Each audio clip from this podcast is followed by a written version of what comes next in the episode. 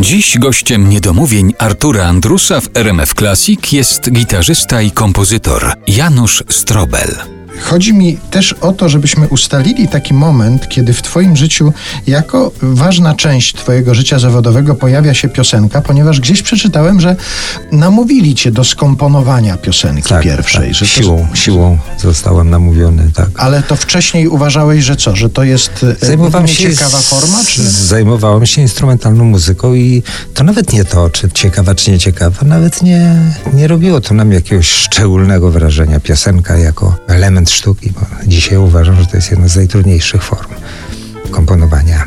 I to Łucja Prus i Jan Wołek. Tak, Łucja z Jasiem. Namawiali mnie, namawiali. Powiedziałem, że nie ma takiej możliwości, żeby do tych moich dźwięków ktokolwiek cokolwiek dopisał.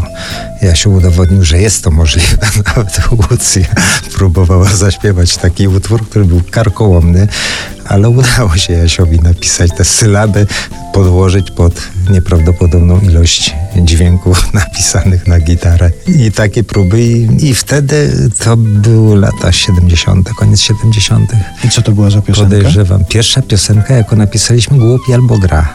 I zacząłem się tym bliżej, bardziej interesować. No i zatem jeszcze przecież Jonasz Kofta się pojawił, z którym zaprzyjaźniliśmy się i też zaczął mnie namawiać na to, żeby pisać muzykę w większości wypadków do tekstów. Powiedziałeś pojawił się, to tak zabrzmiało jakby się pojawił gdzieś Pojawił na ulicy. się w moim życiu, w moim życiu, bo wcześniej go, go nie znałem. On prawda? już, domyślam się, że znał twoją działalność artystyczną z duetu Tak, z duetu, gitar z, z klasycznych. duetu gitar klasycznych. Spotykaliśmy się oczywiście, y, to środowisko nie takie duże znowu, żeby, żeby się mijać, ale nie było mowy o współpracy dopiero jak zacząłem z Łucją pracować. Jonasz był zaprzyjaźniony z Łucją, często bywał w jej domu.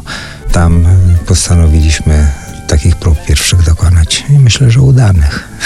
Nieskromnie myślę. No, sądząc po tym, co się dzieje nadal z tymi tekstami, bo przecież po kilkudziesięciu latach te piosenki funkcjonują, ty je przywołujesz na nowo. Nula Stankiewicz nagrywa płytę Strobel Kofta Wołek, gdzie te piosenki Jonasza Kofty są i działają pewnie. No właśnie jak to działa teraz na publiczność? Czy te teksty pisane kilkadziesiąt lat temu, one działają tak samo, jak działały wtedy? Myślę, że bardziej.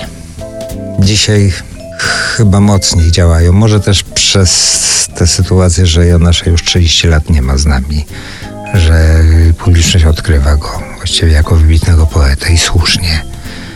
Zresztą większość tych piosenek, które napisałem z Jonaszem, one przez wiele, wiele lat leżały w szufladzie. Dopiero Nula Stankiewicz po wielu latach wyjęła te piosenki i większość z nich nagraliśmy na tej płycie, o której wspomniałeś. Poza tym jeszcze z Jonaszem jest dość ciekawa sytuacja, że Jonasz zafascynowany był muzyką gitarową, zafascynowany był w ogóle muzyką rosyjską, zafascynowany był muzyką brazylijską i przez te nasze kontakty udało się stworzyć wiele utworów, które dzisiaj są na rynku tej polskiej, nazwijmy to piosenki literackiej, jeżeli można tak to określić, które nigdy by nie powstały, gdyby nie nasza wspólne nasze działanie, bo tak powstała samba przed rozstaniem, kompozycja Baden-Powella, którą przyniosłem Janaszowi i uznałem, że warto z tego zrobić piosenkę. Dostałem od Baden-Powella zresztą pozwolenie na, na to, żeby ta piosenka zaistniała na polskim rynku jako piosenka w troszeczkę zmienionej formie, w aranżacji innej. I o co się okazało, jak później z Banem Powellem rozmawiałam, że nigdzie ta piosenka takiej popularności nie, nie zdobyła ten utwór jak w Polsce.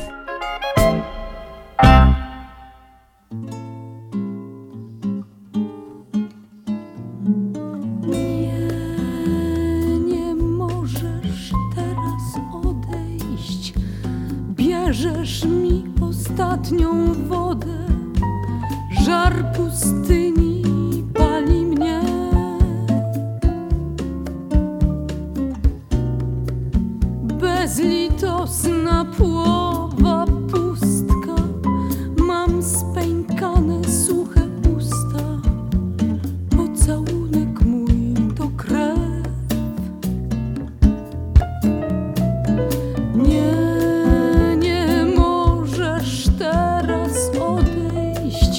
kiedy cała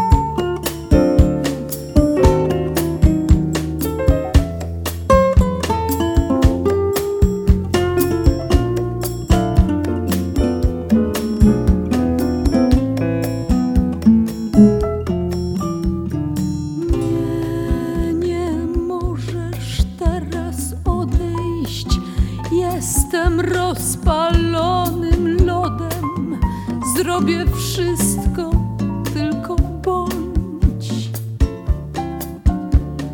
Bądź, zostań jeszcze chwilę.